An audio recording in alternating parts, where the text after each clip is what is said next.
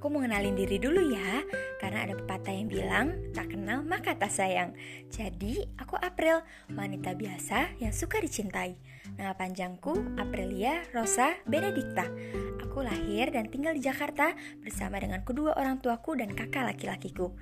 Bersama-sama berjuang untuk hidup di kota Jakarta yang rumit ini. Alasan aku bikin podcast karena aku suka bercerita dan suka didengar. Lega rasanya di saat aku bisa mengutarakan isi hatiku kepada orang-orang yang peduli kepadaku. Beban seketika hilang di saat beberapa orang merespon ceritaku, memberikanku support, memberiku saran, dan memberikan waktu dan telinga mereka untuk mendengarkanku. Aku harap kita bisa berteman melalui podcast ini ya. Kalian ada untuk aku dan aku juga akan ada untuk kalian. Aku sayang kalian. Wait for the next episode. Bye bye teman-teman. Salam kenal ya.